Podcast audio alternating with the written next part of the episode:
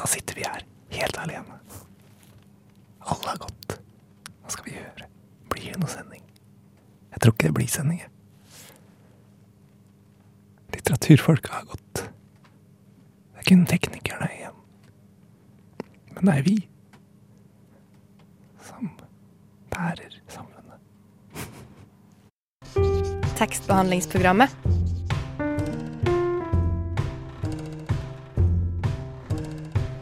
Tekstbehandling på radio.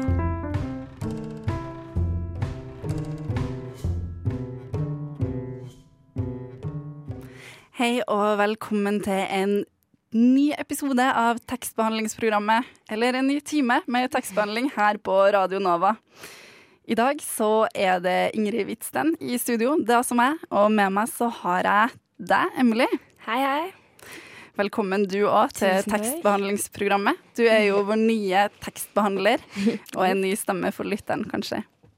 Mm. Men du har med en eh, litterær anbefaling til oss i dag. Ja, eller den er jo på en måte i hovedsak ikke litterær. Jeg tenkte egentlig å anbefale eh, Barn, filmen Barn, som kom ut eh, for ikke så lenge siden. Som er eh, en ny film, en norsk film. Veldig bra. Eh, jeg så den for ikke så lenge siden også. Eh, og, men den kommer ut i bokform. Manuset kommer ut i bokform. Oi, Litt sånn som Så- de gjorde på Skam. Ja, det blir, ja, det blir vel sånn. Så, så det er jo på en måte en litterær anbefaling, egentlig. Eh, men filmen var i hvert fall bra, og da antar jeg at bokformen også blir bra. Så Ja, Filmer er jo sjelden veldig god hvis det er dårlig manus. Ja, det kan man si. Som Så- tekstbehandlere så må man kanskje si det. Som tekstbehandlere så er det kanskje det vi legger mest vekt på. Det Er det ikke det? I dag så har vi en spennende sending. Vi har en liten eh, Hva skal vi kalle det? En uh, Interessant. Vi har en veldig tema. interessant uh, sending. Det er kanskje litt sånn, nesten sånn seksuelt tema i dag, kan man si det? Ja, Nei? Jo. Man kan jo både si det og ikke si det. Det I hendene mine her så holder jeg boka til den gjesten vi snart skal få på besøk. Det er Mats Rage, og boka heter 'Mikla staur'. Og på forsida så er det da en stor tegning av en penis. mm. Så det, Og hvorfor er den stor? Hvorfor er den stor? Det skal vi høre mer om. Det er da en eh, ganske ny bok som eh, handler om en liten gutt med en stor penis i en Mm. enda mindre bygd. Bygd. Mm. Men det er ikke det eneste vi skal i, høre i dag. For i løpet av sendinga så skal vi få en anbefaling av Freakonomics. Men aller først skal vi få en anmeldelse av diktsamlinga Årsol av Vemund Solheim Aadland. For noen ganger så er det ganske vanskelig å forstå det man leser. Og her om dagen så plukka Hanna opp en bok som gjorde hun sjukt nysgjerrig. Men så skjønte hun Eller skjønte hun egentlig hva boka handla om? Det var en eh, tirsdag kveld i september, og det lå ei bunke med leseeksemplar fra Kolon forlag på redigeringsrommet på Radio Nova. Eh, Ingrid sa at jeg skulle ta en titt på dem og se om det var noe jeg ville ha. Jeg åpna den øverste boka, helt vilkårlig, hadde ikke hørt om forfatteren før og visste ikke hva jeg forventa. Jeg bladde opp på ei tilfeldig side og la sola svart, svak sædsåpe. Da ble jeg litt satt ut. Eh, Jeg bladde videre, og det neste auga mine hvilte på, var sky, jentehånd, løvfitte. Hva i alle dager er det her, tenkte jeg, og putta boka i veska. Så kom jeg hjem igjen, og jeg var litt skeptisk, men jeg følte at jeg måtte gi det en sjanse. Det måtte jo være noe mer til disse dikta enn bare sæd og fitte. Øde øye, øyetam, nåletykk leppe, nåletynn sart, klam sårsol, nåletynt solfeste. Øde øre, nykalvet sædhvit munnsalve, avsøtet, avstøtt vanndråpe, munnmaske. Skjørt, lydvarmet øre, lydkjølt, hviskende leppe, svart, feilstrikk Ganske fort går det opp for meg hva dette her minner om. En skriveøvelse. Velg et ord og skriv ned alle assosiasjoner, alle ting som rimer på ordet, som minner om ordet, det motsatte til ordet, osv. Velg så et nytt ord, og et nytt, og så et nytt. Og etterpå så skriver du noe med de ordene du har. Det føles litt ut som det er det som har skjedd her, men det er jo ikke sikkert. Og ja, jeg tror kanskje egentlig ikke det. Teppe. fritt dinglende munndråpe, såpe. Kvernet aske, kald taske, håndknust, varm aske. Jeg tek meg sjøl i å dømme underveis når jeg leser, og synes at det blir litt mye årsår, øyeåt og hudlue, litt mye kroppsvæsker, litt mye svada. Men hvem er jeg til å si hva som er svada? Tørr sårdyne, bøyd båre og steil ru saltblomst. Jeg fikk vinterkaldt vann i koppen, mor drakk fra en stikkende, blek hårgryte. Tørr årgryte. Av og til er tekster som frias. En gjør best i å bare lene seg tilbake og sanse. Legge bort all dømming, alle ønsker om å forstå og lage sammenhenger. For kanskje er det nettopp da, når sinnet er blankt og åpent, at en faktisk forstår. Ofte opplever jeg at eh, poesi eller performativ kunst eller klassisk musikk blir møtt med frykt av dem rundt meg. Frykt for å ikke forstå, flauhet over å ikke kunne bedømme hva som er bra og dårlig. Og ja, jeg kjenner på det sjøl. Det er skummelt å kastes ut i det og prøve å forstå noe med mange lag. For hva hvis jeg tolker feil? Men må egentlig alt tolkes? Og fins det riktig og feil? Kanskje er det slik at kunstopplevelser ikke kan tvinges fram? Kanskje må selve opplevelsen rett og slett bare slippes inn. Denne boka her, den heter Årsol og er skrevet av Vemund Solheim Aadland, forresten. Den må nok nettopp det. Slippes inn. Og gjerne det kan en for eksempel tre inn i et rotete og støvete hus med dysfunksjonelle beboere på randen av galskap og muligens i dyp sorg. Som de sjøl sier, vi lever i et tungt, trangt, urinsterkt stuelys. Og da jeg leste det på side 124, tenkte jeg ja, ikke sant, det var jo som jeg trodde, det. Og hvorfor jeg trodde det, aner jeg ikke, for det hadde ikke egentlig blitt skildra. Jeg vet bare at jeg til slutt slapp det inn, det urinsterke stuelyset.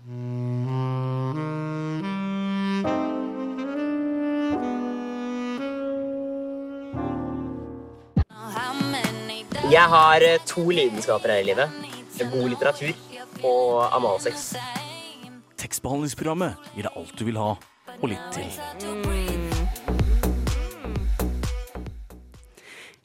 Ja, du hører på tekstbehandlingsprogrammet, og nå har vi fått forfatter Mats Rage på besøk. Velkommen. Takk skal du ha. Du eh, debuterte jo i fjor med boken 'Skipet siglar videre', Og eh, den høsta du jo ganske gode kritikker for. Ja. Og nå så har du altså da kommet ut med en ny bok, 'Miklastaur'. Mm. Kan du fortelle kort om hva den boka handler om? Eh, ja, i den grad det er mulig. Eh, den handler jo om en gutt som blir født med altfor stort kjønnsorgan. Eh, og så følger jo boka da gjennom en slags bygdeskrønete stil eh, livsløpet hans eh, sånn opp i oppveksten, da. Eh, det går ikke så bra, det kan jeg vel avsløre. Men det er jo ikke et uh, litt stort kjønnsorgan heller, det er veldig stort. Og vi snakka litt om det, Emilie og jeg, om skrev Ja, vi lurer jo egentlig på om du skriver det fordi sex selger, om det er eller Vi kan jo komme Ja. tilbake til det senere også, men eh, det er det Ja, Er det- er er det? raske svaret, ja? ja. Nei. Spennende. Det, ja du ser jo omslaget. ja, vi snakka om det her i stad, at omslaget er jo også da en stor Eller en penis, i hvert fall. Om den er stor eller eh, liten, det er jo vanskelig å se, fordi det kan jo skaleres opp og ned på bokomslag, men eh, jeg vil anta at hovedpersonen sin er kanskje hakket større enn den på omslaget. Ja, i, i, det er ikke én til én i hvert fall på omslaget. Nei. Men eh, vi skal snakke mer om denne uh, penisen og om denne boka. Men aller først så skal vi ha fem faste. Emily? Fem faste. Fem faste igjen på rykende fart. Yes, eh, hva leser du nå? Eh, nå leser jeg om alkemi. Eh, et slags historie om alkemi. Ja. ok, bra. Eh, hvilken fant skriver du i? Garamond, Adobe Garamond Pro. Mm, eh, kreativt. Eh, hva, hvor skriver du når du skriver? Stort sett i sofaen. Mm. Eh, hva var favorittboken din som barn? Eh, 'Plommetre' av Hans Sande, tror jeg. Ja, aldri hørt om, men ja. Eh, hvis, eh, hvis du ikke hadde vært forfatter, eh, hvor, hva hadde du vært da? Hva hvor? Liksom? Eh, sikkert eh, noe med form og farge. Arkitektur, kanskje. Mm. Fett. Mm. Da hadde vi fem faste. Men eh, du skriver i sofaen. Ja. Denne boka er jo på 300 sider. Det er ikke litt sånn eh, tungt å skrive i sofaen?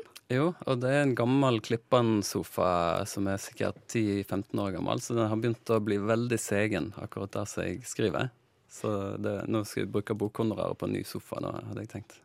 Ja, for jeg tenkte, mer, jeg tenkte mer på, på, på ryggen og sittestillinga. Og sitte i sofa og skrive. Men det er kanskje ikke Nei, det, det noe, har ikke vært noe problem foreløpig, da.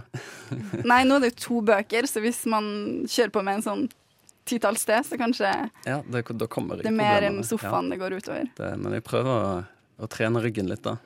Forebyggende. Kanskje det er tips. Tren ryggen, så du kan Ja. sitte i Ja, sofaen det, og det er beste forfattertips, altså. Det er supert. Det, det tar vi med oss videre. Eh, men du har jo også fått eh, valgt litt av musikken vi skal høre i dag. Mm. Eh, og en av låtene du har valgt, er Johannes Kleppvik med 'Oldefar'. Hvorfor valgte du den? Eh, ja, den valgte jeg fordi den oldefarfiguren i den låten er veldig lik den typen karakterer du kan finne i denne boka. da. Eller romanfigurer, da, hvis man skal si det på norsk. Så jeg tenker det ligger litt av den bygdehumoren i låtteksten. Og han er jo òg en av de store nødrimerne i vestlandsk visetradisjon, så det, det er en fornøyelig tekst. Da hører vi på den.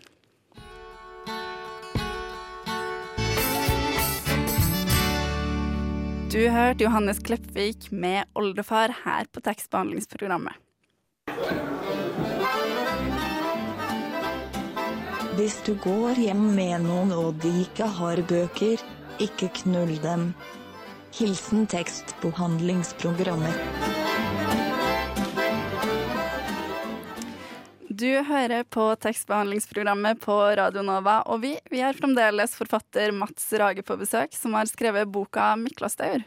Ja, og den har vi jo nevnt et par ganger. Eh, har en stor penis på forsiden. Handler om en gutt med stor penis. Eh, vi lurte egentlig på hvorfor, eh, hvorfor penis. Nå sa du litt om at sex selger, men kunne måte Kunne du fått fram poenget i boka da som en outsider hvis han bare hadde store ører? Hvis han hadde store hender, liksom? Um, det har jeg tenkt på. Um, men hvis det var f.eks. ei stor nese eller noe sånt, så blir det mest ei ulempe. Eh, som, Mm. som er veldig sånn opplagt å gjøre narr av. Mens eh, Et stor penis er en ikke en ulempe. ja, Det er litt mer attråverdig på et nivå, i hvert fall. da Så Skjønner. Men, men du nevnte i stad om at du skrev om det fordi at sex eh, selv. Kan du fortelle litt mer om det? Ja, altså Andre boka er jo ofte en liten sånn dump i forfatterskapet, da, der en får litt mindre oppmerksomhet enn eh, på debuten, for der får en mye gratis. Ja, men Du snakker jo om Så- den eh, vanskelige andre albumet i musikk. Er det den vanskelige andre boka? Finnes det nå? Eh, jeg tror ikke jeg gikk på den smellen, da, men eh, det, det er snakk om det, ja. Så eh, min taktikk hadde vært å, å lage noe mer grafisk og oppsiktsvekkende eh, for å ikke havne i den dumpen, da. Opplever du at det har funka? Ja, altså nå fikk jeg jo overskriften 'Stor kuk i liten bygd' i Klassekampen. Jeg tror ikke jeg hadde fått det uten at det var en kuk på boka. Så jeg vil si det var en suksess, da. Men tror du det kan være litt sånn, eh, ha litt sånn motsatt effekt også? At folk kan bli litt sånn redd? Bli litt sånn skremt av den store penisen på framsida? Ja, det, det har jeg regnet med. Men jeg har likevel eh, vurdert det sånn at eh, det er færre som blir skremt enn som blir tiltrukket. For jeg leste, jeg leste en del av den boka her på trikken, nemlig. Og da har jeg opplevd at jeg har fått, eh, at jeg har fått litt sånn Blikk? blikk. Du har fått blikk, ja. Mm. Ja. Men du tenker det heller er positivt enn negativt, da? Når det først er Ja, altså du har jo valget om å ta av smussomslaget, da. Det, det går an å, å være diskré. Jeg er litt sånn usikker på om smussomslaget er for å beskytte den boka som er innafor, eller om man skal ta den av for at boka skal se fin ut etterpå. Det har jeg aldri helt funnet ut av. Eh, Det er nok for å beskytte sjølve boka, men det er jo òg for å brife selvfølgelig når du sitter på trikken, sånn at alle skal se hva du leser. nå. Og jeg leser om kjempepikken. Ja, og du leser også om eh, andre ting. Kan ikke du lese litt eh, om hva du skriver? Hvordan det er å ha en kjempepikk, eksempel? Du har valgt ut et lite utdrag. Eh, ja, jeg kan lese det, det utdraget. Det, det handler da om eh, eh, Ja, jeg kan bare lese. Det var åpenbart for den som går med ideen langt framme i hugen, og hvem gjør ikke det, at Emanuel var i stand til å utføre autofilatio, eller den såkalte monjageren, sjøl uten snev av talent som slangemenneske. Med andre ord kunne han synes mer sjøleigen enn andre gutter, og dette ville selvsagt vært et sutløst tilvære dersom ingen visste om det. Men siden tilfellet Emanuel var så åpenbart, var det ikke til å unngå at han havna i utenforskap. For slett ikke mange har denne evna. Den ideelle kombinasjonen av ryggfleksibilitet og vitale mål er faktisk så sjelden at mange tror det bare er en myte. Og siden det for andre vanligvis er umulig å se utenpå hvor mjuk en er i ryggen, eller for den saks skyld hvor høyt opp det som finnes i andre enden kan føres, så blir det sjelden avslørt på de få det gjelder. Skulle det likevel ryktes, blir det mest uten unntak føyst vekk som skryt, og å freise seg på en demonstrasjon vil være det rene sosiale sjølmordet. Tusen takk. Det er interessant. Vi, har, vi, tenkte, vi snakket litt om et kallenavn. Han får jo en del kallenavn. Og et av de navnene er jo på grunn av akkurat det her eh, du leste her. Mm. hva er det kalt igjen? Eh, De kaller han jo for sædmunn. Mm. Er det, er det et kallenavn du har erfaring Eller ikke erfaring med selv, men på en måte Ja, har, du hørt, har du hørt andre eh, bruke det, eller var det noe du kom på selv? Nei, det har jeg funnet på, som eh, det meste annet her, egentlig. Men øh, vi skjønner jo her at den penisen er jo ganske svær. Så, men på hvilken måte er penisen belastende for Emanuel? Eh, På veldig mange måter. Han, eh, det påvirker jo ganglaget hans. Han blir veldig framtung, så han går på en spesiell måte. Og det blir jo eh, gjort narr av, da, selvfølgelig. Men det er jo òg en rekke praktiske problemer selvfølgelig, så, som gjør at en ikke kan bruke en, et vanlig toalett, f.eks. Med helst skal ha spesialbygd eh, utstyr eh, for å kunne late vannet, da, for å si det fint. Ja, og eh, det blir jo kanskje ekstra vanskelig på grunn av at en bor i denne eh, lille bygda også, der eh, ting som er spesielt kanskje blir ekstra godt lagt merke til. Og det skal vi snakke litt mer om senere. Men eh, først så har jo du valgt enda en låt for oss. Det er Oddvar Torsheim med 'Galningen'. Ja.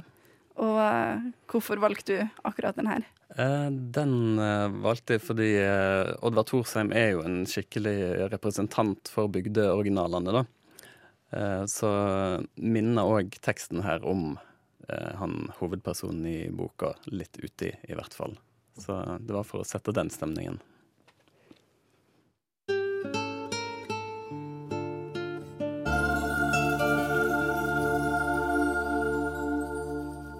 Du hørte Edvard Torsheim med 'Galningen' her på Radio Nova. Hallo, mitt navn er Knut Nærum, og du hører på tekstbehandlingsprogrammet. Jeg går i hvert fall ut fra at du gjør det. Yes, du hører på tekstbehandlingsprogrammet, og vi, vi har fortsatt besøk av Mats Rage med boka 'Miklastaur'. Og den boka er jo Den er jo Alt skjer jo i denne bygda. Tysnes eller Tysnes, eller I starten så er det jo litt sånn beskrivelse av hvordan folk utafra sier det feil, så jeg blir litt sånn usikker. Er det Tysnes, eller er det Tysnes? Eh, nå har jeg egentlig blitt litt usikker sjøl, men eh, det er jo altså Den første sida har fire linjer brødtekst, og så kommer en fotnote på ja, er det ei halv side eller mer om akkurat den uttalen. Så nå klarer jeg ikke egentlig lenger å si det uten at det er i en sammenheng, da. Um, men jeg tror nok de fleste ville lagt litt vekt på y-en, sånn at det blir Tysnes. Tysnes. Mm, tyst. Eh, det er veldig, det er et veldig stort poeng da, at, på en måte, at det skjer i denne bygda, føler vi da. Eller jeg føler jeg i hvert fall at det er en veldig At det er veldig stort at han på en måte er så liksom annerledes i en veldig liten bygd. Uh, og det er veldig mange naturskildringer. Uh, vi bare lurte på om liksom, dette er en kritikk av bygda, at uh, det er at han er der og føler seg utafor, og at han må liksom søke til naturen, men ikke finne, liksom, føler seg hjemme i bygda. Eller om eh, hva du tenker om det, da. Uh, ja, det er jo ikke min oppgave å, å liksom uh, forklare hva det er en kritikk av, da, men uh, jeg, jeg ser jo at når jeg skriver og skildrer bygda på den måten, så ligger det jo i leseren å vurdere om dette er noe en kjenner seg igjen i eller ikke, hvis en har bygdebakgrunn. Hvis ikke, så må en jo bare gjette. For, for du har jo bygdebakgrunn. Ja. Du er fra stedet Jeg er som fra, jeg er fra den plassen som blir Mm. skildret her, da. Så. Ja, og det er jo kanskje nettopp derfor man får så detaljerte naturbeskrivelser òg. Fordi jeg opplever at det er en litt sånn motsetning. Fordi naturbeskrivelsene er jo veldig eh, vakre, og det virker så fint. Men samtidig så er det jo veldig vondt for Emanuel å vokse opp i denne bygda. Ja, altså naturen blir jo sett gjennom hans blikk, da. Eh, Så det ligger nok litt av den smerten i måten han samhandler med naturen på. Og, og det er jo på en helt annen måte stort sett da enn en vanlige folk som går tur i skogen oppfører seg. da. Han, han går jo veldig i detalj og pirker i kongler og sånne ting, da. Men eh, du er jo fra Tysnes, og hvordan har den blitt tatt imot der? Denne boka? Um, ja, det er kanskje litt tidlig å si ennå, men det, det har iallfall vært stor interesse for å skaffe seg boka. Jeg tipper det tar litt tid før den kommer ut i bokhandlene der. Det kan det vel ofte gjøre, men em, Du har ikke fått noen reaksjoner på at uh, boken som er skrevet om lille bygda, har en stor penis på forsiden?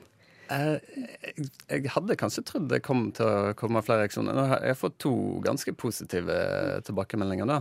Um, men eh, ikke noe sånn uh, vilt fremmede sambygdinger som har uh, kledd seg i harnisk og Er det noen uh, folk i den bygda her som kommer til å kjenne seg igjen i denne boka? Ja. Um, nå har jeg Det er jo uh, oppdikta figurer, men jeg har jo brukt navn som ligner på noen av de som bor der. Eh, og enkelte karaktertrekk òg, kanskje, så jeg ser ikke vekk ifra det. Ehm, det får jeg bare vente og se om noen plukker opp. Mm. Men det er mer sånn lokal eh, et lokalt eh, sånn nikk, da. Men hvordan er det å være Hvordan tror du det er å være annerledes på en liten plass i forhold til å være annerledes på et stort sted? Eh, Det åpenbare svaret er jo at hvis du har avvikende interesse på en stor plass, så er det lettere å finne andre som har de samme eller tilsvarende interesser. Mens på en liten plass så, så må du ofte klare deg sjøl hvis du ikke er inne i enten da fotball eller hva det er de fleste driver med. Fotball eller hest. Sånne ting. Hest, sånn som det er på, for Emanuel. Ja ja, men han er jo gutt, så han, eh, for han kan liksom ikke det med hest bli redningen, da. For det er jo en jenteting på, eh, sånn tradisjonelt på bygda. Og det er jo litt sånn spesielt forhold han får til denne hesten sin også. For de, han ser jo på dem som bestevennen, bestevennen sin. Mm, ja, det det er nesten noe litt sånn karikert tragisk over det, da. Og det er jo òg poenget. Hvis han hadde hatt en, en bestevenn som var et menneske, så hadde det ikke vært det samme. Da hadde han på en måte vært redda. Men han er så desperat etter selskap at han må ta det han har. Og det blir den her hesten som da er blir alkoholisert i tillegg. Ja, han har jo ingenting å gjøre på lenger, for eh, alt arbeidet hans er jo tatt over jordbruksmaskiner. Så han kan ikke gjøre annet enn å drikke og, og late seg. Så da hesten er Utsatt for sosial dumping, var det ikke det? Ja, det blir vel kanskje noe sånt, ja. Det var i hvert fall det vi snakka om Ja. uh, her før sendinga. At kanskje det var en kommentar på sosial dumping med den her hesten. Mm. Mm, Men Ja. jeg vil bare på apropos sånn karikerte figurer og sånn, for det er jo det er jo veldig ordentlige karakterer alle sammen. De er veldig sånn forklart på sin måte. Det er på en måte noen karakterer som er veldig vulgære og på en måte gjør ting på sin måte. For eksempel, tenk på hun gamle, hun gamle damen, Utheim. Eh, og så er det noen få barn. De, hun beskriver noen få ungdommer, som vi kan høre mer om senere. Mm. Men jeg bare tenkte på den eh, karikerte tystnesværingen, da, for du skriver noe om at Emanuel kommenterer på at eh, de ikke er ordentlig eller De må være de må være integrert De er ikke inte- integrerte nok i Tysnes-samfunnet, for de har ikke ordentlig nok hår. Så bare Hvordan er på en måte denne vanlige eh, tysnesværingen, og er det slik at eh, du føler du har beskrevet det med disse karakterene i boka?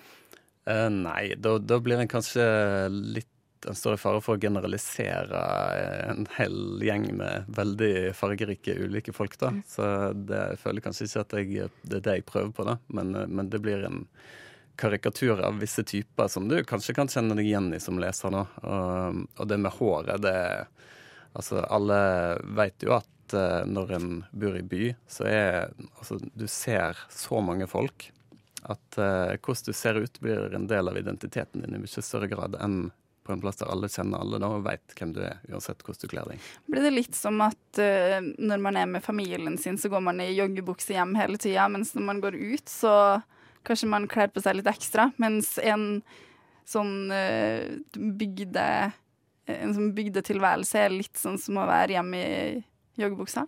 Det tror jeg det er noe i, ja. Det, det, du går liksom ikke i nagler og skinnbukser sånn eh, nødvendigvis for å markere deg på bygda, da. Det, det ligger litt andre sosiale eh, mekanismer der, da. Men da har det nesten litt sånn motsatt eh, Ja, Motsatt funksjon. Det, ja, det har det. Er det noe du har tenkt mye over personlig, siden du har, eller om du har flytta til byen, og sånn, å skille på det fra å bo i bygd til å bo i by? Eh, Du legger jo merke til ting når du flytter fra en liten plass til en storby. Det er klart, og det er jo en av tingene som eh, jeg, jeg merker på meg sjøl òg, at jeg kler meg annerledes når jeg er i by enn i, på bygd. Eh, ja, og vi skal snakke litt mer eh, etterpå. Men du har jo valgt enda en sang for oss i dag. Og den siste sangen er 'The Moon Is A Harsh Mistress'. Og hvorfor, hvorfor var det her en del av miksen? Ja, ja, den er kanskje litt uh, mer kryptisk, men det er jo en, er veldig trist og uh, Men det er en veldig fin låt, da. Uh, jeg skal ikke si i motsetning til de andre, men, men det er en helt annen type estetikk. Og så er det jo den ensomheten som ligger i den teksten her til til han hovedpersonen, da, som jeg, jeg tror tangerer, iallfall. Han ville ha kjent seg igjen, kanskje, i denne sangen. Mm. See her how she flies.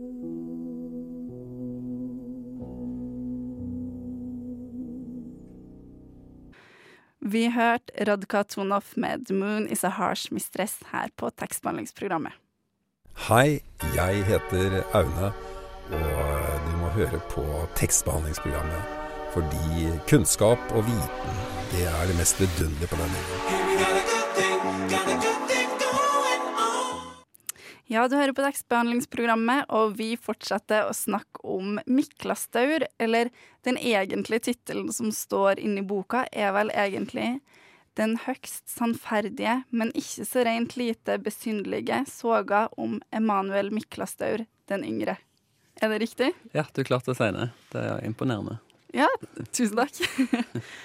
For Emanuel Miklastaur, han bor jo i denne bygda, Tysnes. Og han blir jo etter hvert en ganske sånn outsider. Eh, han sliter med å få seg venner, og han blir bare mer og mer trekker seg bort fra folk og til naturen. Men eh, en ting jeg la merke til, var at i starten så får vi også høre at uh, Miklastaur, Emanuel Miklastaur den eldre, som er faren, han har jo også den her kjempepenisen. Men han er stolt over den mens sønnen han skammer seg. Ja, det kan du si. Um, Hvorfor det? Ja, det har med personlighet å gjøre, da. Uh, faren er nok mer av den Eller han dør jo ganske tidlig, da. Han var, nok mer av den typen som takler ting med humor og sjølironi. Mens uh, sønnen er helt motsatt, da. For det er jo beskrevet at han brukte sånne penisfutteral. Ja, stemmer. Uh, jeg måtte google det, for det var så lenge siden jeg hadde, jeg hadde sånn hørt om det. Men ikke så ofte man ser det. Nei, det er jo en historisk eh, ting da, som var på moten mange hundre år siden. Så det er ikke så veldig utbredt i dag. Det Ja, du får, eh, kan du fortelle lytterne som ikke vet hva det er, hva et penisfutteral er? Eh, ja, det mm, er laget av Det kan være laga av ulike ting, da, men det er i hovedsak en del av drakta som da eh, penis mer eller mindre er inni, men som står veldig sånn tydelig ut, da. Eh, For å overdrive dimensjonene på eh, bæreren sitt kjønnsorgan. Eksempel Henrik den 8. gikk med sånt, da. For mens eh, faren har hengt opp disse penisfutteralene i kjelleren, så går jo heller Emanuel med sånn som liksom skal dekke til. Eller på en måte gjøre den mindre, da, for å gjøre det mer praktisk. Men er det også kanskje for å ikke gjøre den så synlig, eller hva tenkte du med det? Ja, det, det henger nok sammen med måten han takler det på. At han uh, syns det er sårt og skaper problemer for han. Og Hvis han hadde kunnet bløffe det vekk og tulle med det, så hadde det nok vært enklere. Men det, det er liksom helt umulig for en som han, da. Men når han får tilbudet om operasjon, så takker han jo også nei. Ja, og det, det er nok et stort dilemma for han. Men, eh, men han føler nok at eh, han ikke vil være seg sjøl helt eh, og fullt hvis han gjør den endringen, da. Det er et knefall for de andre sitt blikk, da, på en måte. Ja, for han refererer jo til det her konsekvent som skavanken, Mm. som han må gjemme bort. Mm, og han er også veldig obs på hva alle andre tenker om han, spesielt de andre ungdommene i bygda. Hva Vil du fortelle litt om forholdet til de andre ungdommene du har beskrevet i boka? Uh, ja, de ungdommene er nok noen av de mest uh, konforme eller typiske figurene i boka. da. Eh, I kontrast til f.eks. Uh, hun gamle dama som heter Utheim, som er en veldig sånn eh, karakter. nå, Så er disse veldig lik seg og lik ungdommer. At de, de skal ha ei gruppe, en konformitet. Det er litt forskjell på dem, men, eh, men de trer inn i veldig sånn tydelige stereotype roller. da. Og da, da blir det han som skiller seg ut eh, fra den konformiteten, og dermed blir lett en sånn hakkekylling, da. Mm. Du har vel også med et utdrag fra boka som beskriver litt forholdet mellom ungdommene? Vil Ja, det stemmer. Det, det er jo en gjeng ungdommer som sitter og drikker da, for de har fått tak i en kasse øl. Mm. Så, så går dialogen mellom dem, da. Jeg kan ta eh, lese opp fra det. Mm. Jeg begynner nok å bli full nå, sa han, som om de ikke hadde annet å snakke om. Jeg òg, sa Sille. Kanskje ikke drita full, men ganske. Far min bruker å si mygla, sa Pomfilie. Du er sikkert bare litt mygla. Det betyr at det er like før du blir full. Jeg har nå hørt at å mygla betyr å furte, sa Mons. Å bli sur. Nei, det er å mugle med u, sa Pomfilie. Det er da vel praktisk talt det samme, sa Mons. Noen sier dysja i stedet for dusja. Blir ting som mygler sure, sa Sille. Jeg veit vel ikke, sa Mons. Jeg har aldri spist noe mygla. Nokre folk blir sure når de blir fulle, sa Pomfilie. Det har jeg òg hørt, sa Sille. Sier det at jeg er sur, sa Mons. Er du full da, sa Pomfilie. Ser jeg full ut, sa Mons. Kanskje mygla, sa Sille. Mygla som i sur, sa Mons. Tydeligvis, sa Pomfilie. Men for faen da, sa Mons. Slapp av, sa Sille. Ikke slapp av meg, sa Mons. Det er bare en fase, sa Pomfilie. Jeg er ikke mygla, sa Mons. Vel, jeg er kjempemygla, sa Sille. Bra, sa Pomfilie. Bra, sa Mons. Et steg i rett retning, sa Pomfilie. Jeg disser som ei hengekøye, sa Sille. Jeg tror jammen du er full, sa Pomfilie. Allereie, sa Mons. Men er jeg drita, sa Sille. Kanskje ikke drita, eh, sa Pomfilie. Jeg skulle så gjerne vært drita, sa Sille. Jeg er ikke full engang, sa Mons. Du får drikke mer, sa Pomfilie. Jeg glemte det, sa Mons. Du ble distrahert, sa Sille. Jeg hører ikke på deg, sa Mons. Du er full. En skal lytte til erfarne drankere, sa Pomfilie. Jeg går min vei, sa Mons. Du skal bli full på din egen måte, sa Pomfilie. Nå er det nok snakk, sa Mons. Kom igjen, la oss drikke, sa Sille. Vi drikk, sa Pomfilie. De drakk. Tusen takk. Og der hører vi jo også litt hvor utafor Emanuel er. Han, ja, han sitter jo i rommet mm. uten å si et eneste ord. Mm. Og vi la kanskje ikke, fikk kanskje ikke illustrert ordentlig her, men eh, det er jo veldig sånn eh, ganske konservativ nynorsk og litt sånn Ja, det er liksom bygdeskrønete. Har du beskrevet det som sjøl? Ja. Eh, og det er jo med vilje at jeg har tatt litt ord og vendinger fra bygdemiljøet som jeg er vant med, da.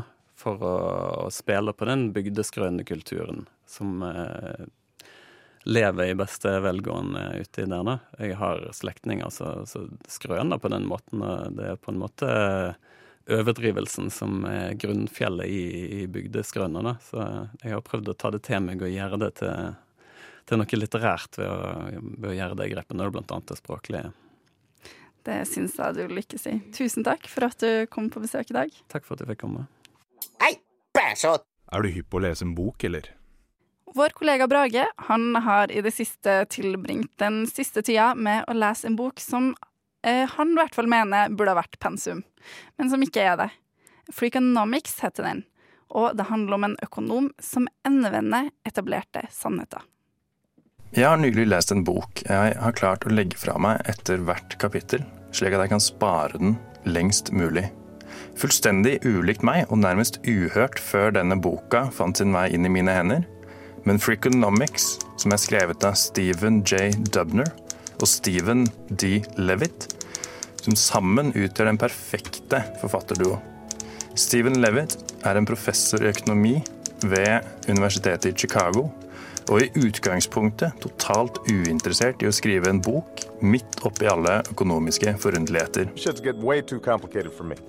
Stephen Dubner, prisvinnende forfatter, journalist og mediepersonlighet, kunne definitivt skrive bøker, men han kunne lite om økonomi.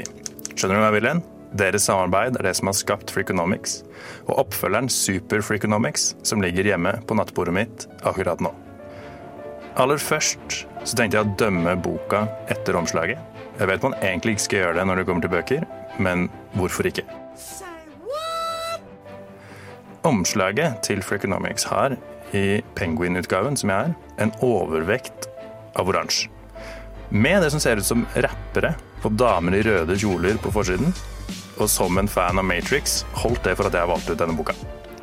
Det er også verdt å påpeke at boka i andre utgivelser har et eple som egentlig er en appelsin på forsiden, og er langt grellere enn Penguin-utgaven. Og så er vaskeseddelen kort og godt setningen 'anta ingenting', sett spørsmålstegn ved alt. Etterfulgt av de beste anmeldelsene jeg noensinne har sett et forlag velge ut for en bok. Boken er skrevet i 2005, og jeg har selv lest den på engelsk, men etter å ha forhørt meg kun ett sted, nemlig Google, har jeg funnet ut at boka også finnes på norsk. Først og fremst må det bare presiseres at denne boka passer perfekt for folk som studerer, har studert eller vil studere samfunnsøkonomi. Og for alle andre som ikke studerer, har studert eller vil studere samfunnsøkonomi. Freakonomics forklarer på en briljant måte hvordan økonomiske teorier kan forklare spørsmål man stiller når man tar kjempelange dusjer. Som typisk hvorfor alle doplangere bor hjemme hos sin mor, hva som er likheten mellom sumobrytere og lærere i Chicago, og hvordan Klu Klux Klan er prikk likt en gruppe med eiendomsmeglere. Alt dette, og faktisk mer, blir besvart i boka. Og til alle dere samfunnsøkonomer der ute som savner litt heksjerolin og snakk om land som produserer tøy eller teknologi, så inneholder boken flotte tabeller som illustrerer og støtter forklaringene de kommer med. Hvem skulle ha trodd at man som doplanger i Chicago har en 25% sannsynlighet for å bli drept, mens man som dødsdømt fange i Texas, som drepte flest fanger i USA, kun hadde en 4,8% sannsynlighet for å bli drept? Bare for å trekke frem ett av mange eksempler. Det er tydelig at forfatterne er eksperter på hvert sitt fagfelt. Den ene i økonomi, og den andre i forfatterskap. Boka er en fryd å lese, og det er intet å utsette på språket. Freakonomics anbefales på det sterkeste. Radio Nova. Radio Nova. På, DAB og nettradio. På radionova.no. Jeg har egentlig sagt det, men jeg kan si det en gang til. Radio Nova. Det var alt vi hadde i dagens tekstbehandlingsprogram. Og det har jo vært en, eh, litt av hvert, det, ikke sant, eh, Emily? Ja, det har vært det. Jeg syns det har vært veldig spennende å høre hva Mats har å si. Eh, Så det er absolutt å sjekke ut den boka, altså. Sjekk ut den boka, og ofte så leser en jo litt lite nynorsk, så jeg har i hvert fall blitt inspirert til å lese litt mer nynorsk etter jeg har lest denne boka her. Enig. Men eh, tekstbehandlingsprogrammet går mot slutten, som sagt. Men hvis du ikke får nok av oss, hvis du bare tenker jeg vil ha mer, mer, mer tekstbehandlingsprogrammet, hva, hva bør du gjøre da, Emily? Ja, nei, du sier det. Vi ligger jo på eh, de fleste podkast-apper, så det er bare å sjekke ut. Eh, Der ligger tidligere sendinger. Så kan du også sjekke ut Facebook og Instagram for eh, eventer, kanskje livesendinger i fremtiden. Hvem vet? Og da får du kanskje litt ansikt på forfatterne som man hører her i studio også. Ja, lurer ikke lytterne på hvordan en person som har skrevet om en kjempepikk, ser ut? Det gjorde i hvert fall jeg yeah. da jeg leste boka. Jeg hadde jo det der lite lille bildet i fronten på boka. Men, ja, eh, jeg leste jo PDF, så jeg aner ikke. Ante ikke. Så det er jo veldig spennende. Og eh, så kan vi jo røpe at neste onsdag da kommer Jens M. Johansson med boka 'Lavterskeltilbud' på besøk her i tekstbehandlingsprogrammet. Fått veldig gode anmeldelser. Så det er bare å glede seg. I studio i dag så var jeg Ingrid Widstem. Og meg, Emily Neland. Og tekniker, det var Edvard Brød-Limon Juhu! Tekstbehandlingsprogrammet. Tekstbehandling på radio.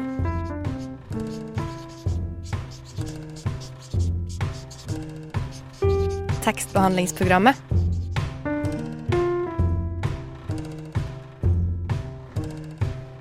Tekstbehandling på radio.